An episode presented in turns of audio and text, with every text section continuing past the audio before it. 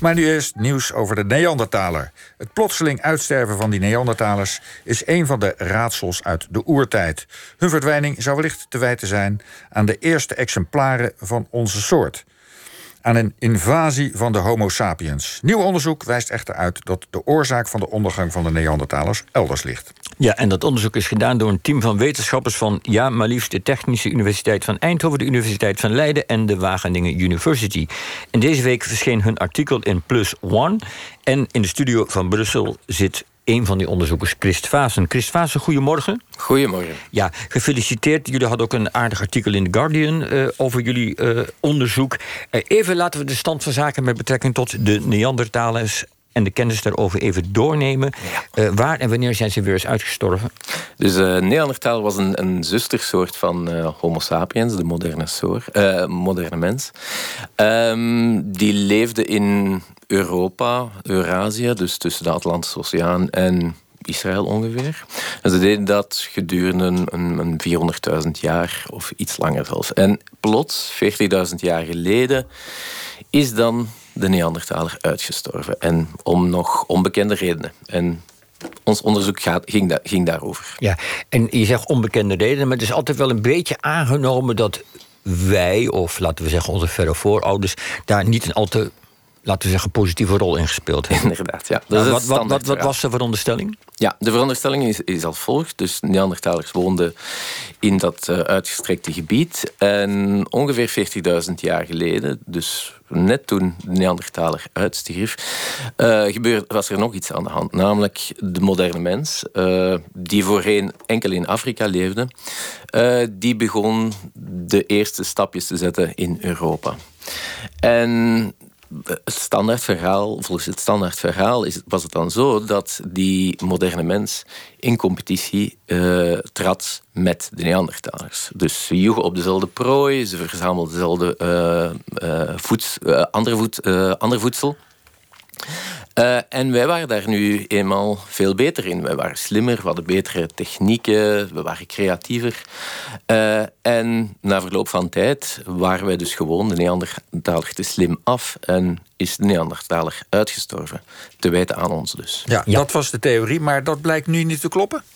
Um, onze, onze studie suggereert dat, dat het veel minder spectaculair was. Um, volgens ons is het gewoon een natuurlijk proces geweest. Je moet weten, de Neandertalers die woonden in een hele kleine populatie.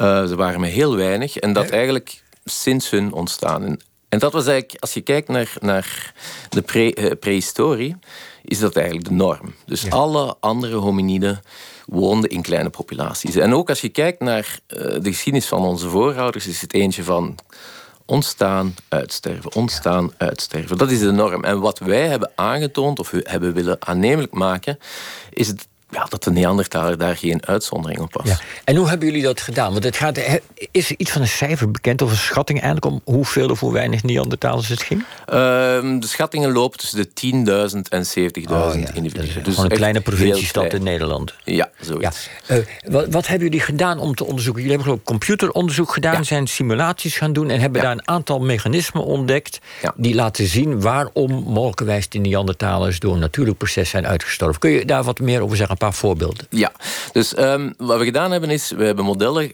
gebruikt die ook in de conserveringsbiologie worden gebruikt. Dus uh, biologen bestuderen en proberen te begrijpen, te voorspellen uh, of een bepaalde populatie, laten we zeggen van een tijger of een panda, of die populatie levensvatbaar is. Nu, die modellen hebben we nu gewoon toegepast op Neandertalers. Nou, en, en toen? En toen.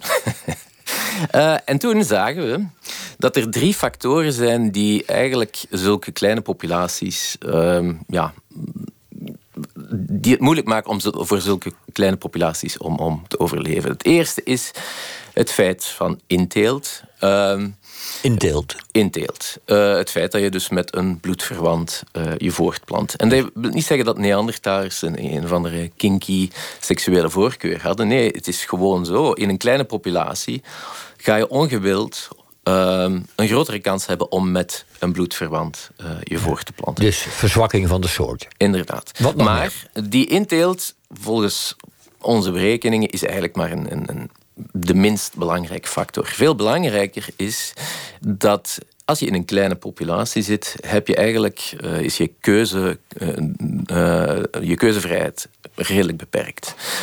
dus je hebt moeilijkheden om een geschikte partner te zoeken. Waar je ook moeilijkheden mee hebt, is taken uitvoeren waarvoor je veel mensen nodig hebt. Dus taken die samenwerking vergen, zoals kinderopvang, samen gaan jagen.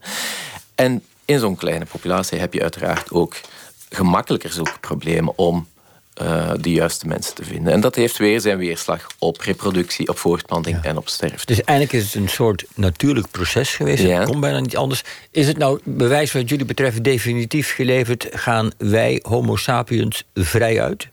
Um, volgens ons is het een heel aannemelijk. Uh, als je, ik zeg altijd tegen mijn studenten, als je uh, zekerheid wil, moet je zeker niet uh, wetenschappen gaan bedrijven, want in de wetenschap bestaat geen zekerheid. Maar het is een, een zeer aannemelijk verhaal dat we vertellen. En alleszins denk ik dat we met onze studie een beetje de teller op, op, op nul hebben gezet. Um, want... Fijne uitdrukking in dit verband. Maar goed, ga door, ja. Inderdaad. De teller op nul gezet in, in, in deze zin. Um, wij hebben aangetoond, het, had, had, het heeft natuurlijk kunnen plaatsvinden. Dus vanaf dat je nu iets extern, een, een externe factor wil aandragen, uh, om, om te verklaren wat eigenlijk natuurlijk, een natuurlijk proces had kunnen zijn, ga je bewijslast extra sterk moeten zijn. Uh, dus we hebben de, de, uh, de bar een beetje hoger teruggelegd Precies. voor andere wetenschappers. En, en, en wie jullie bevindingen wil lezen, waar kan dat? Uh, ze kunnen het lezen in uh, PLOS ONE. Uh, ja, ik kan de link wel doorsturen. Of je kan ook... Uh, PLOS of Plus? PLOS. PLOS, met een O. Okay. Public Library of Science. Dat is een open access tijdschrift. Of het artikel lezen in The Guardian. Um, daar kan je ook wel een, een link naar aan toe. Goed, Chris Fase, hartelijk dank. Graag gedaan.